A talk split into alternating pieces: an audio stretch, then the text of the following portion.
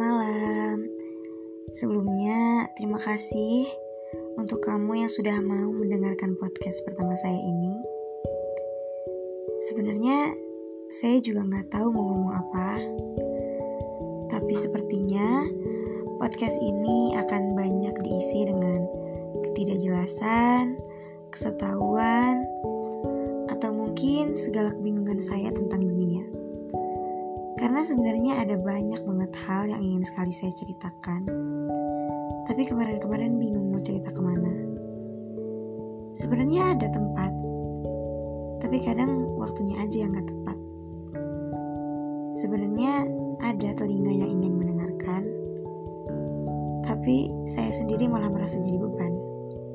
Makanya, kali ini saya ingin mencoba hal yang baru, membuat tempat untuk diri saya sendiri.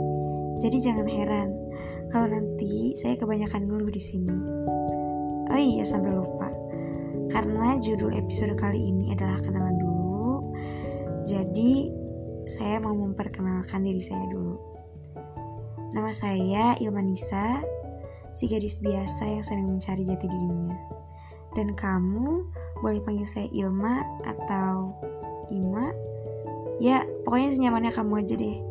Tapi intinya, salam kenal.